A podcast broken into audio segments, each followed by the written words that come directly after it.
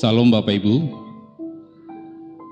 jemaat yang terkasih, selamat datang dalam kebaktian GKP Bekasi.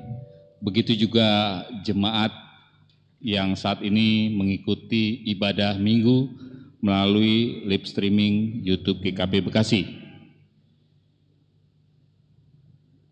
Dalam kondisi yang ada seperti saat ini, yang membuat kita belajar untuk beradaptasi, menyesuaikan diri dengan tetap waspada terhadap pandemi yang tetap berlangsung dengan menjaga dan melakukan protokol kesehatan yang telah direkomendasikan untuk warta jemaat dapat dilihat melalui grup WA jemaat dalam bentuk soft dan saya akan membacakan intisari dari warta jemaat.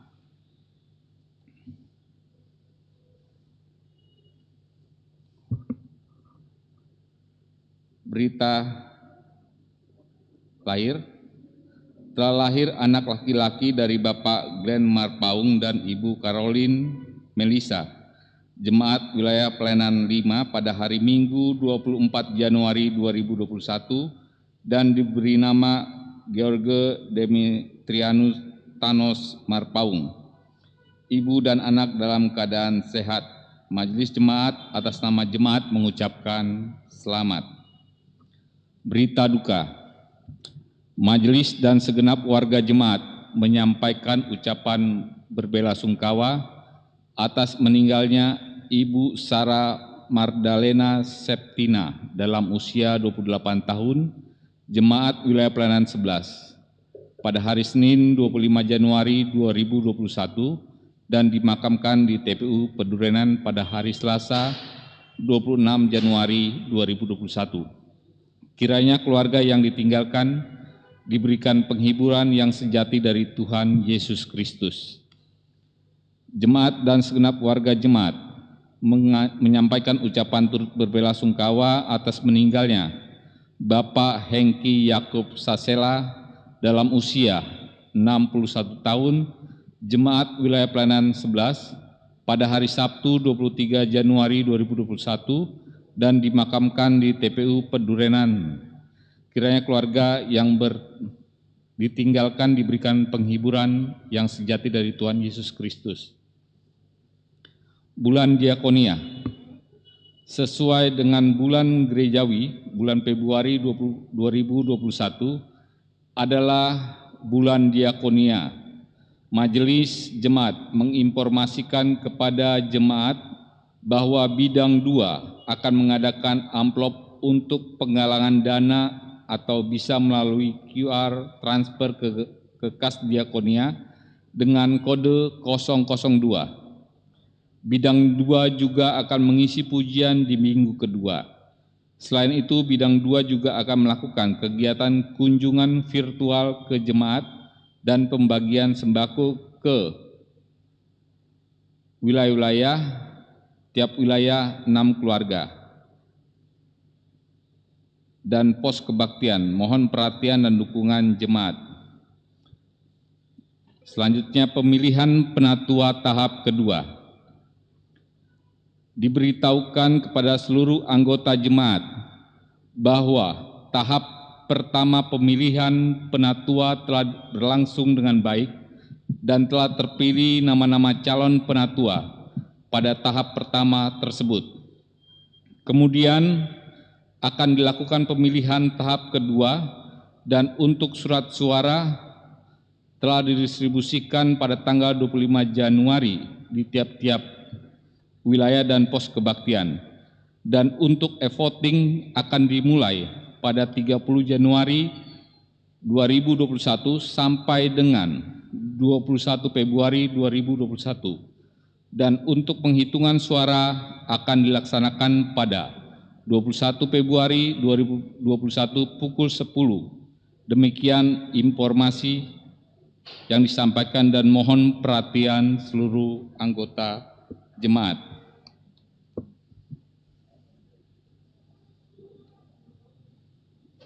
Himbauan memperhatikan perkembangan penyebaran COVID-19 serta himbauan pemerintah Kota Bekasi maka Majelis Jemaat GKP Bekasi memutuskan bahwa acara pember, pemberkatan nikah di gereja dapat dihadiri oleh keluarga dengan jumlah yang akan ditentukan ketika persiapan pemberkatan nikah. Kiranya jemaat maklum. Majelis Jemaat mengajak kepada seluruh jemaat GKP Bekasi untuk tetap waspada dan berdisiplin dalam mengikuti seluruh protokol kesehatan COVID-19. Kami juga mengimbau jika ada keluarga, tetangga, teman kerja yang positif terpapar COVID-19 untuk tidak mengikuti dulu ibadah di gereja dan melalui isolasi mandiri selama dua minggu.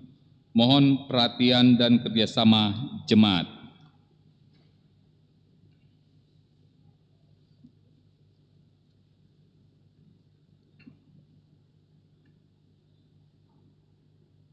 Kita masuk ke prosesi ibadah. Haleluya. Berbahagialah orang yang takut akan Tuhan dan menyukai segala perintahnya.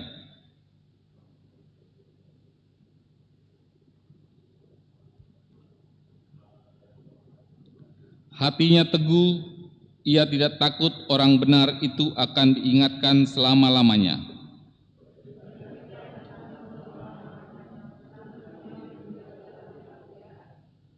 Kebesaran Tuhan tetap untuk selama-lamanya dan sampai selama-lamanya. Marilah kita dengan penuh sukacita memuji nama Tuhan dengan bernyanyi dari Kidung Jemaat nomor 7, Ya Tuhan kami puji namamu besar. Jemaat kami undang bangkit berdiri.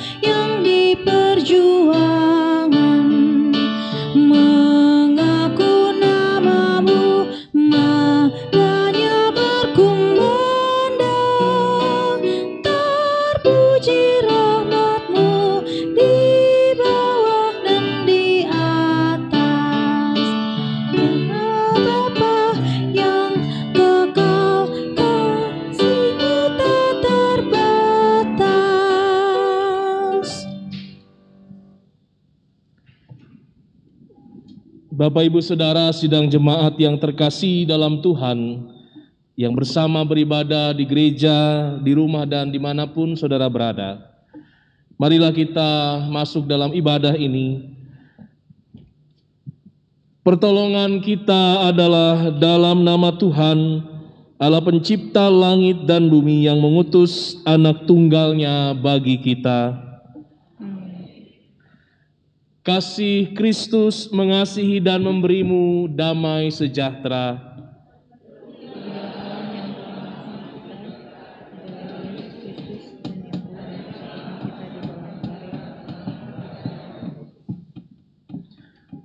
Saudara-saudara, hidup benar di hadapan Tuhan adalah kerinduan setiap kita. Tetapi hasrat diri kita yang terbatas ini tidak jarang membuat kita sulit untuk menjadi pribadi yang benar. Oleh karena itu, tema hidup beragama secara benar mengajak kita untuk menyadari betapa pentingnya menghadirkan kebenaran di tengah-tengah dunia melalui firman Tuhan yang memberkati kita. Untuk itu dengar nas pemiming yang diambil dari ulangan 18 ayat 18 yang berkata, Seorang nabi akan kubangkitkan bagi mereka dari antara saudara mereka, seperti engkau ini. Aku akan menaruh firmanku dalam mulutnya, dan ia akan mengatakan kepada mereka segala yang kuperintahkan kepadanya. Demikianlah firman Tuhan.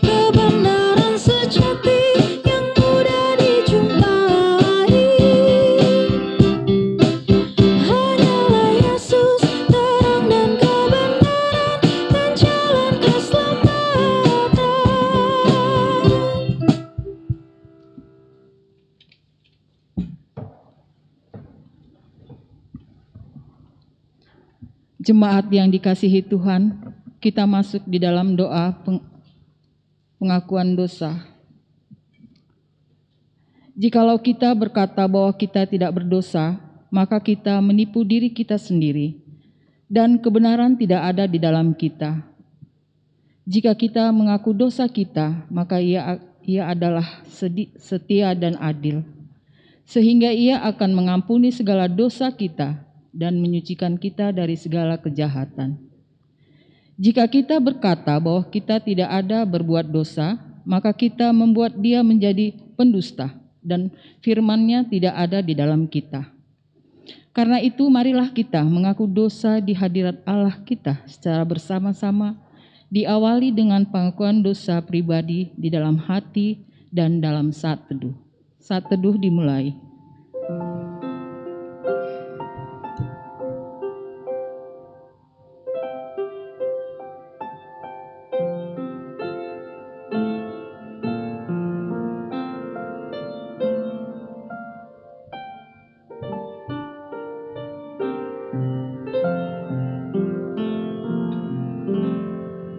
Mari kita ucapkan bersama-sama. Ya Tuhan, kami telah berbuat dosa terhadap-Mu. Kami telah berdosa terhadap sesama kami dalam pikiran, perkataan, dan perbuatan. Telah banyak kami menyimpang dari jalan-Mu yang benar. Ampunilah dosa kami ya Tuhan, kasihanilah kami ya Tuhan. Kasihanilah kami ya Kristus, kasihanilah kami ya Tuhan. Amin. Kita bernyanyi dari Kidung Jumat 44.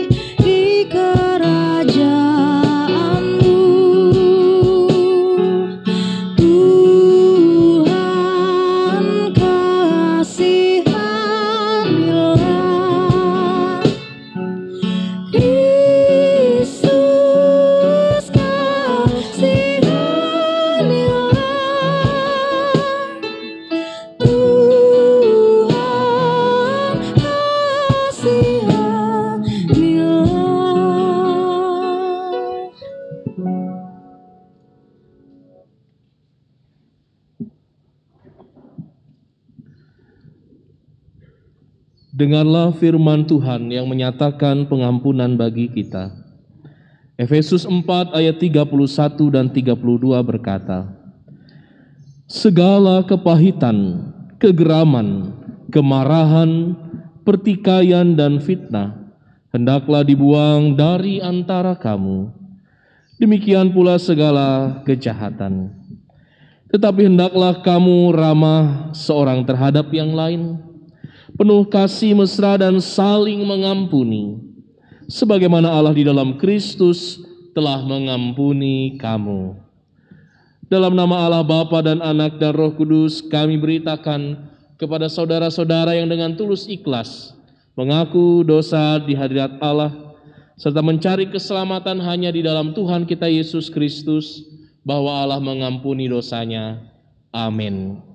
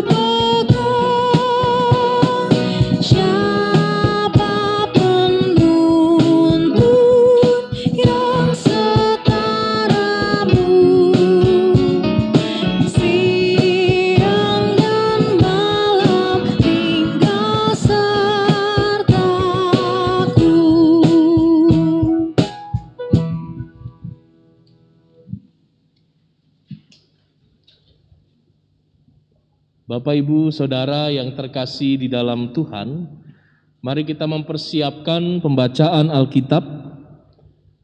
Pada minggu ini kita akan merenungkan firman Tuhan dari Injil Markus pasal 1 ayat 21 hingga 28.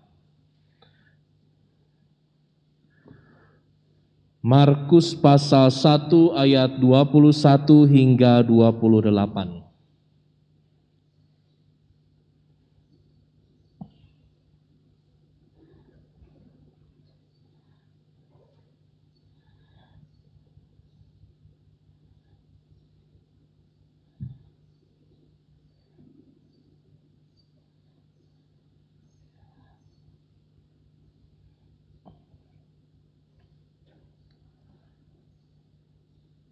Bila telah mendapat bagian itu sebelum kita membaca dan merenungkannya, mari kita bersatu di dalam doa.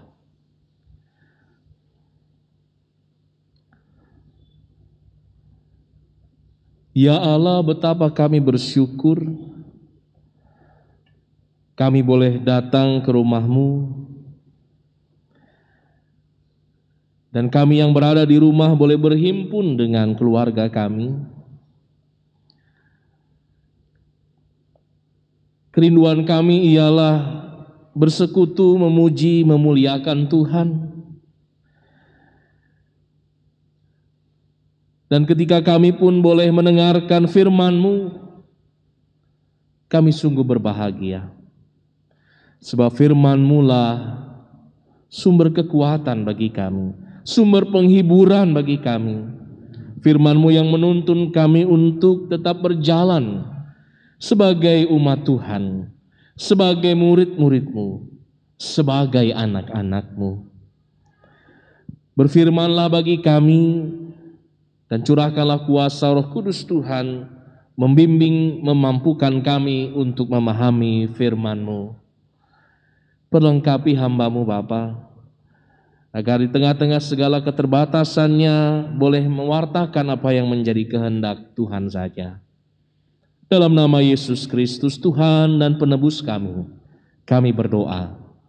Amin. Bapak Ibu Saudara mari kita menyimak bersama saya akan membacakannya untuk kita sekalian. Markus 1 ayat 21 hingga 28. Di bawah judul perikop Yesus dalam rumah ibadat di Kapernaum. Mereka tiba di Kapernaum setelah hari Sabat mulai. Yesus segera masuk ke dalam rumah ibadat dan mengajar. Mereka takjub mendengar pengajarannya, sebab ia mengajar mereka sebagai orang yang berkuasa, tidak seperti ahli-ahli Taurat. Pada waktu itu di dalam rumah ibadat itu ada seorang yang kerasukan roh jahat. Orang itu berteriak, "Apa urusanmu dengan kami, hai Yesus orang Nazaret? Engkau datang hendak membinasakan kami."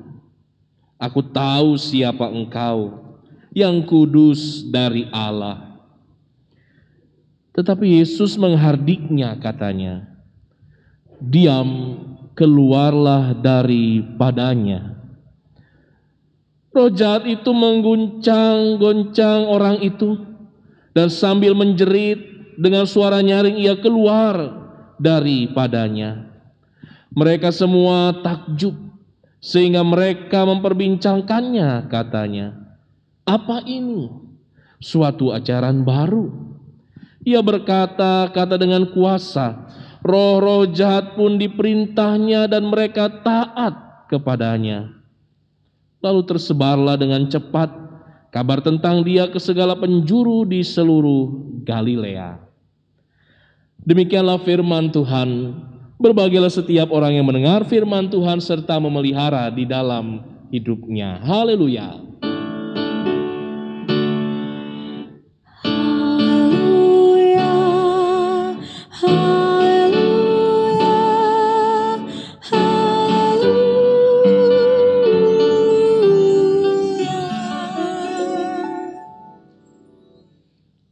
Bapak Ibu Saudara yang terkasih di dalam Tuhan, selamat pagi. Shalom. Puji Tuhan, bersyukur, senang sekali bisa kembali bersekutu, melayani dan berjumpa dengan Bapak Ibu di gereja. Juga boleh menyapa Bapak Ibu Saudara yang ada di rumah. Bapak Ibu yang terkasih dalam Yesus Kristus, tema kita dalam ibadah minggu ini hidup beragama secara benar.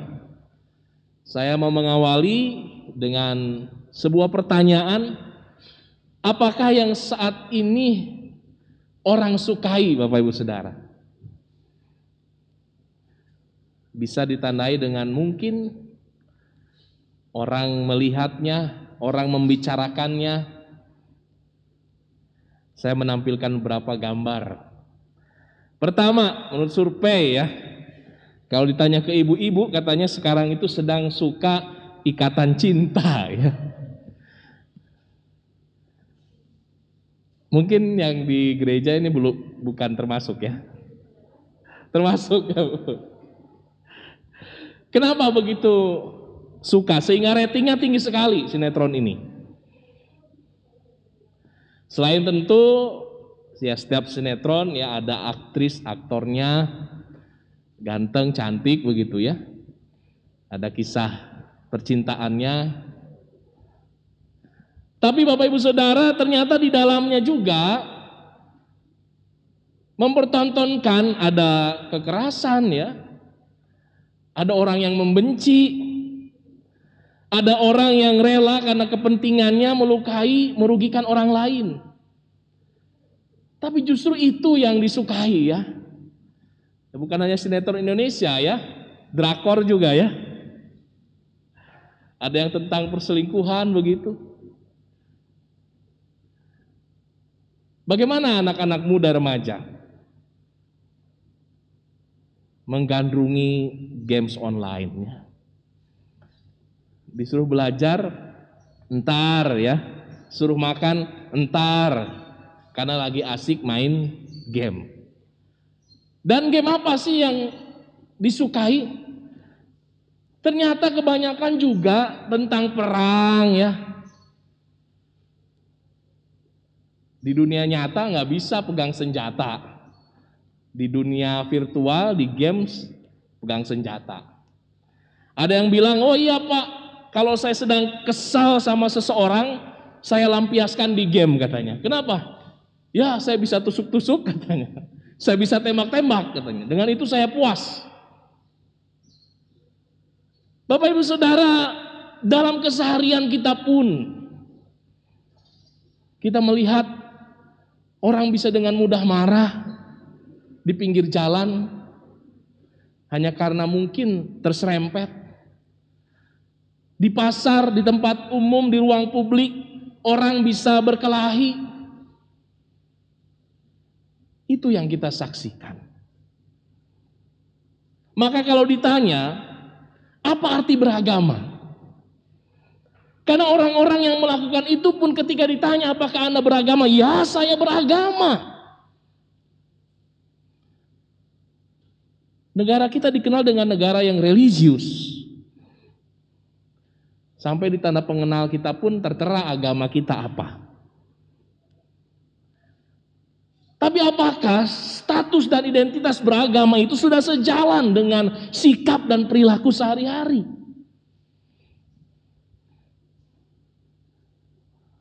Kalau kita melihat bagaimana tingginya tingkat kriminalisme, ya, tingkat korupsi, ya, kekerasan, kita harus mempertanyakan kembali, apakah kita benar-benar sudah beragama? Karena agama dari terminologi katanya saja a dan gama artinya apa? Tidak kacau. Agama ada membuat kehidupan ini tertib, damai, tentram. Tapi kalau kenyataannya ternyata orang lebih suka saling membenci, membalaskan kejahatan dengan kejahatan, nampaknya agama hanya menjadi slogan. Hari ini kita akan melihat dan belajar dari perikop yang telah kita baca. Ada beberapa ayat kunci Bapak Ibu Saudara. Kita akan mulai dengan slide berikutnya. Ayat yang ke-22. Saudara-saudara dikatakan dalam bacaan kita, mereka takjub mendengar pengajarannya sebab ia mengajar mereka sebagai orang yang berkuasa, tidak seperti ahli-ahli Taurat. Sudah satu kebiasaan, jika ada seorang rabi atau guru datang ke satu tempat lalu ikut ibadah, maka dia akan diberi kesempatan untuk berceramah, untuk mengajar. Oleh karenanya ketika Yesus datang ke Kapernaum dan di hari Sabat dalam rumah ibadah di sana, Yesus dipersilahkan untuk mengajar. Dan ternyata orang-orang yang mendengar takjub karena apa? Karena beda sekali bagaimana cara Yesus mengajar. Bila ahli-ahli Taurat mereka hanya meneruskan apa yang mereka dengar, dan pelajari. Mereka hanya membacakan, mereka hanya menyampaikan. Ada seorang penafsir berkata demikian, tapi Yesus dengan kuasa ilahi, dengan kewibawaan ilahi yang ada pada dirinya, menyampaikan firman secara langsung dengan lugas. Kalau ada yang salah, langsung ditegur. Ternyata itu disukai, saudara-saudara. Karena selama ini ahli Taurat sering hanya berputar-putar menyampaikan sesuatu yang kadang jauh sekali dari kenyataan. Yesus juga mengajarkan apa yang ia sendiri sudah lakukan. Bukan hanya teori. Dan itu tidak mereka lihat pada diri dan kehidupan ahli Taurat. Ahli Taurat yang sering kali berkata tentang kekudusan tapi mereka tidak menjalankannya. Tapi Yesus sebelum ia mengungkapkan, mengutarakan, ia sudah lebih dulu melakukannya. Bicara tentang kasih, tentang pengampunan, tentang ketaatan. Itu yang dilakukan oleh Tuhan kita selama hidup di dunia ini. Karenanya orang-orang takjub mendengar Yesus mengajar. Tapi di tengah ketakjuban itu tiba-tiba kemudian ada orang yang dikatakan kerasukan roh jahat berteriak Saudara-saudara apa yang dikatakan oleh orang yang kerasukan itu? Ayat 24. Apa urusanmu dengan kami? Hai Yesus orang Nazaret. Kalau ada orang berkata apa urusanmu? Berarti dia merasa sudah berkuasa di situ. Dia sudah bercokol di situ. Jadi Bapak Ibu yang terkasih, walaupun memang benar itu rumah ibadah, orang-orang beribadah, tapi di antara mereka ternyata ada roh jahat yang tinggal di sana. Saudara-saudara, tentu ini bukan hanya bicara tentang roh jahat, iblis, setan begitu ya. Bukan seperti, "Wuh, tempat ini angker ya," gitu. Ada uji nyali ya. Kalau udah nggak kuat lambaikan tangan begitu ya. Tetapi ini bicara tentang potensi kejahatan dalam diri manusia, dalam hati manusia, yang sering kali ada dipertahankan. Saudara-saudara, saat itu roh jahat yang tahu siapa Yesus sesungguhnya, yang kudus dari Allah, tidak bisa bertahan Kemudian ia menggoncang-goncangkan tubuh dari orang yang ia kuasai. Saudara-saudara, inilah cara kerja si jahat.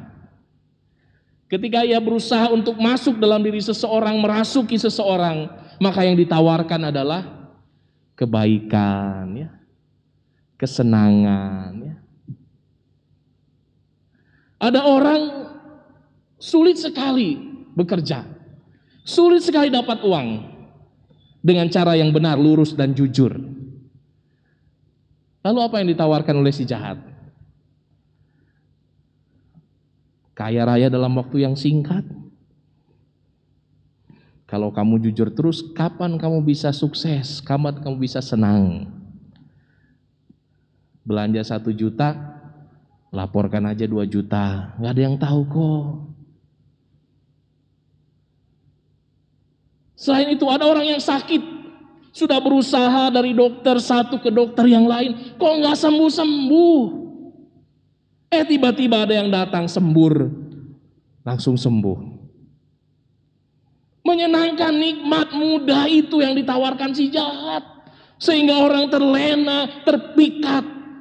Lalu mempersilahkan untuk masuk dalam dirinya. Tanpa disadari saudara-saudara ketika si jahat itu sudah ada di hati kita, mulai meracuni kita. Mulai jadi orang yang mudah iri, mudah benci, mudah dendam. Tapi kalau si jahat merasa sudah tidak diuntungkan, berusaha untuk menghancurkan tubuh inangnya itu, tubuh yang dirasukinya itu. Dan itulah yang terjadi. Orang yang kerasukan itu menggoncang-goncangkan tubuhnya, membentur-benturkan tubuhnya, menyiksa tubuhnya. Tapi tidak ada kuasa yang lebih tinggi dari kuasa Allah. Maka roh jahat itu pun keluar, dihardik oleh Tuhan Yesus. Orang itu pun diselamatkan. Bapak Ibu Saudara, ayat yang ketiga yang juga sangat penting untuk kita renungkan. Ketika itu semua telah terjadi, maka orang-orang yang hadir di rumah ibadah itu berkata, "Apa ini? Suatu ajaran baru?" Ia berkata dengan kuasa, sampai roh jahat pun mengikuti perintahnya. Bapak Ibu Saudara yang terkasih, kata baru di sini bukan berarti ada sesuatu yang baru, tapi dimaknai terjadi perubahan kualitas. Orang Yahudi biasanya beribadah dan beragama hanya sebatas tubuh mereka. Mereka memang selalu datang di hari Sabat. Tapi Yesus menunjukkan bahwa selain tubuh, pikiran dan jiwa kita pun harus terarah pada Allah. Bukan hanya tubuhnya saja ya. Kita beribadah, lidah kita bernyanyi. Tapi pikiran dan jiwa kita pun terarah kepada Allah. Saat seluruh diri kita kita serahkan pada Allah, maka kita akan menerima kuasa dari Allah. Maka bicara tentang beragama dengan benar saudara-saudara. Ada sebuah kutipan dari Bianca Oldhoff, dia seorang penulis, juga seorang guru, seorang pengkhotbah. Dikatakan kita tidak akan pernah bisa mengubah dunia atau mengubah apa pun dengan datang ke gereja. Dan kita bisa mengubah, baru bisa melakukan perubahan jika kita menjadi gereja. Mari kita bedakan. Jika hanya datang ke gereja, masuk ke gereja, duduk, bernyanyi, dengar khotbah, kasih persembahan, terima berkat, pulang kembali lagi dalam hidup dunia. Bukan itu yang bisa mengubah. Bukan itu beragama yang benar. Tapi menjadi gereja yang sejati, gereja yang membiarkan, mempersilahkan dan menyerahkan tubuhnya, pikirannya, jiwanya menjadi alat kemuliaan Tuhan. Amin Bapak Ibu Saudara. Mari sama-sama katakan jadi kemuliaan Tuhan. Ya. Itu berarti pertama, tidak memelihara perilaku yang buruk dalam diri kita. Rajin kita bersih-bersih, menjaga pikiran dan hati agar memancarkan wibawa ilahi. Mungkin ada orang yang bertanya, "Mengapa kalau saya menasihati anak-anak kok sepertinya sulit sekali anak-anak mendengar?" Sepertinya perkataan saya itu seperti angin lalu. Atau suami istri, kenapa kok saya tidak lagi dipedulikan oleh pasangan saya? Bapak Ibu Saudara, mari kita lihat. Mungkin ada satu hal yang harus kita benahi di hati kita. Agar perkataan kita pun di sana akan memancarkan kemuliaan Tuhan kewibawaan Tuhan. Karena selama kita belum beres dengan hati pikiran kita, maka yang kita ucapkan apa pun juga akan sia-sia. Apa pun yang kita lakukan akan sia-sia. Dan yang terakhir, hidup orang benar selalu akan membawa damai, bukan ancaman. Orang yang beragama dengan benar, beribadah dengan benar, ke mana pun dia pergi, ke mana pun dia tinggal, ke mana pun dia berkarya, selalu ada sukacita dan damai. Bukan ancaman, bukan perseteruan, bukan pertikaian. Saudara-saudara, mari kita bersama-sama terus bertumbuh dan belajar beragama dengan benar. Tuhan menguatkan kita selalu. Amin.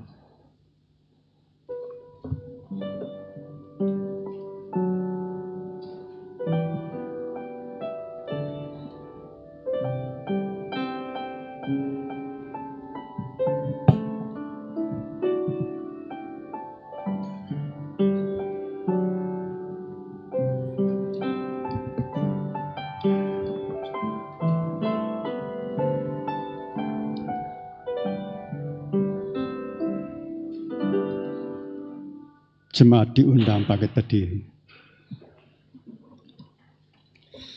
Marilah kita mengucapkan pengakuan iman kita secara bersama-sama.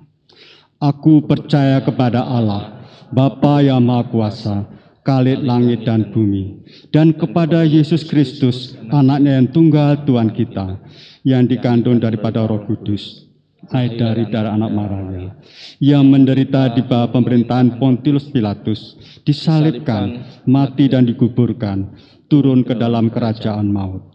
Pada hari yang ketiga bangkit pula dari antara orang mati, naik ke surga, duduk di sebelah kanan Allah, Bapa yang Maha Kuasa, dan akan datang dari sana untuk menghakimi orang yang hidup dan yang mati. Aku percaya pada Roh Kudus, gereja yang kudus dan am, persekutuan orang kudus, pengampunan dosa, kebangkitan daging, dan hidup yang kekal. Amin. Baik, silakan duduk kembali.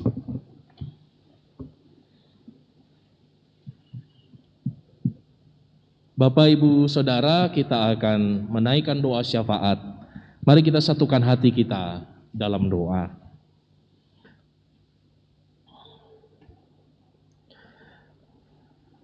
Allah Bapa yang bertahta di kerajaan sorga yang maha kudus dan Tuhan yang telah menyatakan diri melalui kehadiran Yesus Kristus Tuhan kami.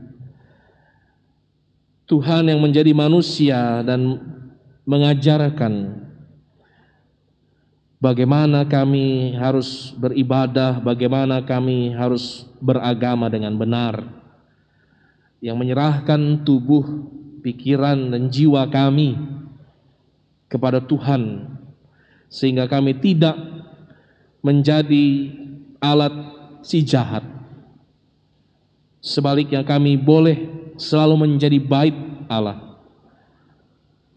Tempat di mana Roh Kudus bersemayam. Roh Kudus memimpin kehidupan kami. Bersama seluruh umat Tuhan. Jemaat GKP Bekasi ataupun juga jemaat dari gereja lain yang dipersatukan melalui ibadah di gereja sekaligus juga ibadah live streaming di rumah. Kami datang kepadamu Tuhan merendahkan hati kami memohon. Betapa hidup yang kami jalani saat ini begitu berat. Bukan hanya karena pandemi, tapi karena krisis yang menyertainya. Juga karena kondisi alam yang mungkin saat ini tidak memberikan bagi kami rasa tenang dan nyaman. Terjadi bencana alam di beberapa tempat, bahkan saat ini pun musim penghujan yang turun dan menghambat banyak aktivitas kami. Tentu di dalamnya kami belajar Bapak untuk tidak hanya merasa bahwa kami menderita, tidak menyalahkan dan tidak juga mencari alasan. Di dalamnya kami yakini Tuhan mendidik kami, membentuk kami untuk menjadi pribadi yang semakin kuat, semakin tabah, teguh dalam iman dan pengharapan.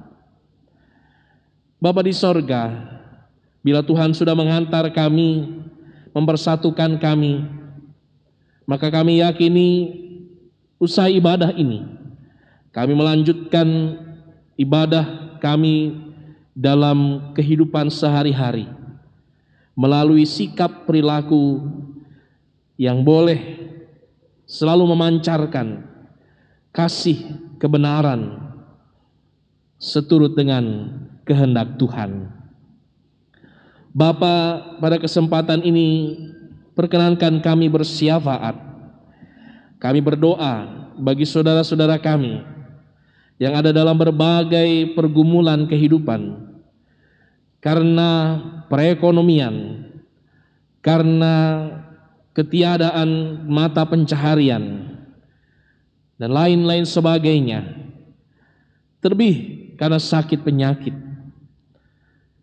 Kami berdoa bagi Ibu Sarti Karel, Ibu Nurmiati Napitupulu, Bapak Paulus Panggo, Bapak Arthur Pakpahan, Ibu Novianti Karel, Ibu Risma Utapea, Ibu Letina Saragi, Bapak Ferdinand Pasaribu, keluarga Bapak Saparela, Ibu Lea Remon Oktosea, Ibu Yani Wijaya, Bapak Talib Sule, Ibu Tiarma Sembiring, Saudari Helmi Utagalung, Ibu Tialam Simatupang, Bapak Sony Antonius, keluarga Dedi Gultom, Bapak Cipto Yudi Harja, Saudara Penatua Fatima Zibua, Ibu Yulia Manik, Bapak Jeffrey Sumpeno, Bapak Hotbin Manurung, Ibu Rosma Simanjuntak, Bapak Oziduh Nazara, Bapak Badwin Tobing, Ibu Mintar Sisopia, Saudara Jaya Katian Dago, Saudara Nixon Pasaribu, bagi Ibu Beslan Simanjuntak, bagi Lucy Borusi Hombing, bagi Bapak Tumpal Tabarat, bagi Bapak Manteru Manik, Ibu Erja Rumate,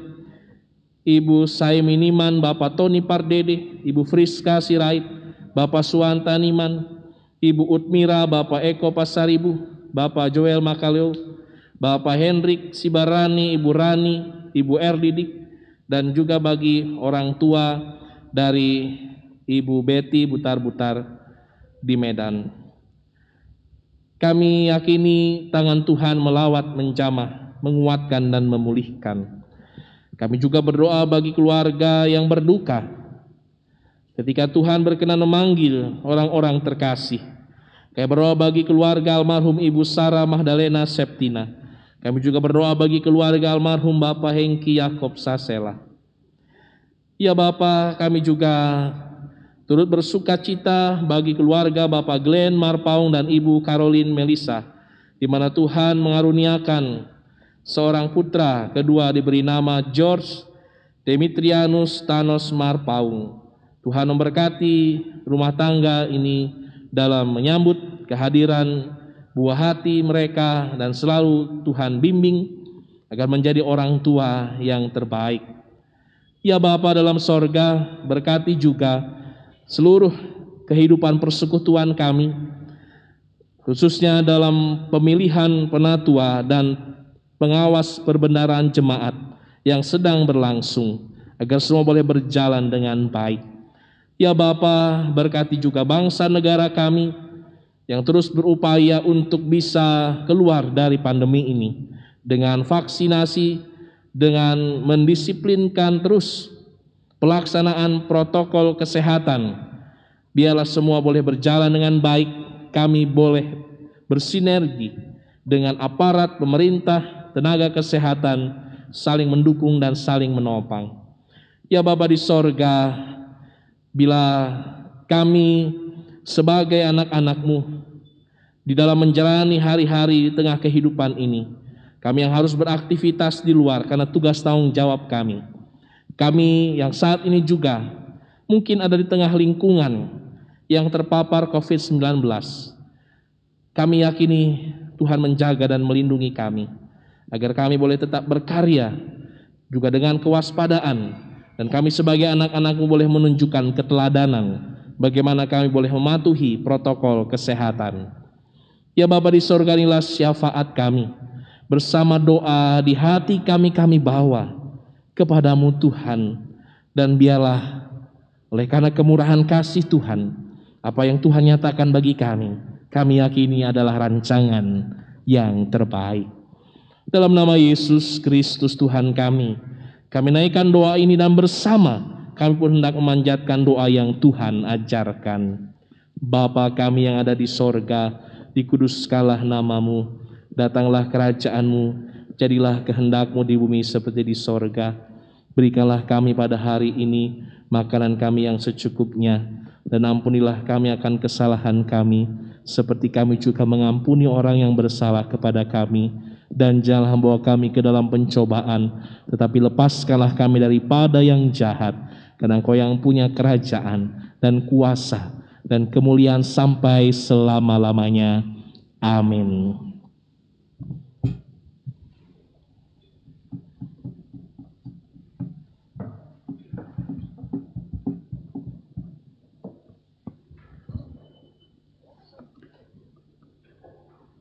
Jemaat yang dikasihi Tuhan, kita masuk di dalam persembahan syukur. Jemaat Tuhan, dalam kebaktian new normal saat ini, jemaat dihimbau untuk dapat memberikan persembahan secara cashless melalui QR code dengan scan barcode yang telah tersedia atau melalui transfer ke nomor rekening GKP Bekasi. Hal ini dilakukan sebagai dari protokol kesehatan yang telah dihimbau oleh pemerintah dan juga telah disepakati. Demikian info yang disampaikan, mohon pengertian, terima kasih. Sebagai ayat penghantar persembahan terambil dari 1 Tawarikh 29 ayat 14. Tetapi siapakah aku dan apakah umatku supaya kami dapat memberikannya dengan sukarela seperti ini? Sebab segala sesuatu berasal daripadamu dan daripadamu telah kami berikan kepadamu. Mari kita menghimpun persembahan syukur kita dengan diiringi nyanyian Kidung Jemaat 314. Pujilah sumber hidupmu.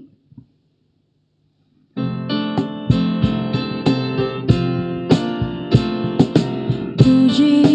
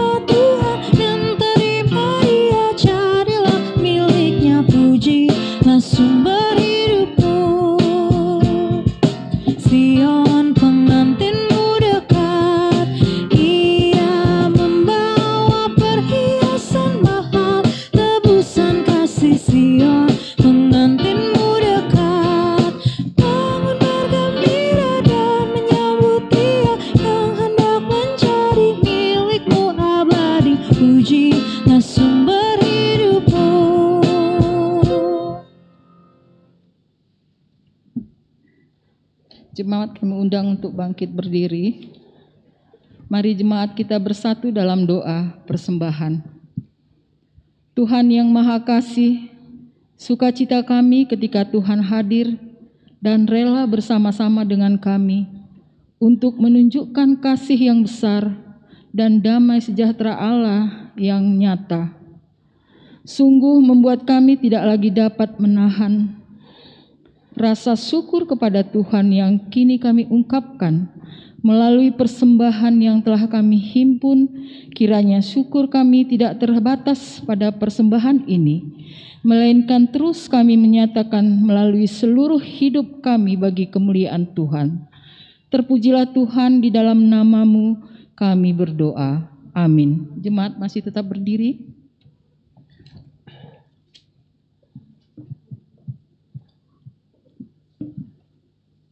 Bapak Ibu, Saudara yang terkasih dalam Tuhan, marilah kita hidup beragama dengan benar, yakni ketika kita mempersembahkan tubuh, pikiran dan jiwa kita untuk taat pada kehendak Allah, menghadirkan damai sejahtera menjadi berkat bagi orang-orang di sekeliling kita. Mari kita bersama nyanyikan nyanyian pengutusan Tuhan, tolonglah bangunkan iman.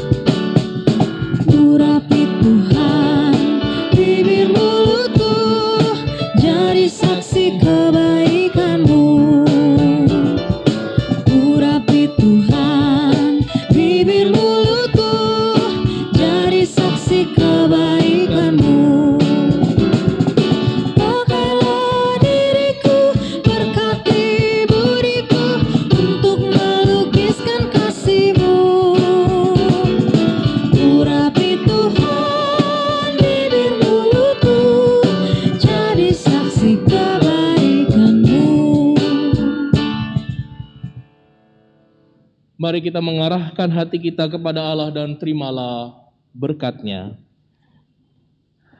Allah berjalan di depan untuk menuntun engkau. Allah berjalan di belakang untuk menguatkan engkau. Allah ada di sekelilingmu untuk menjaga dan memelihara engkau sekarang dan selama-lamanya. Haleluya. Amin.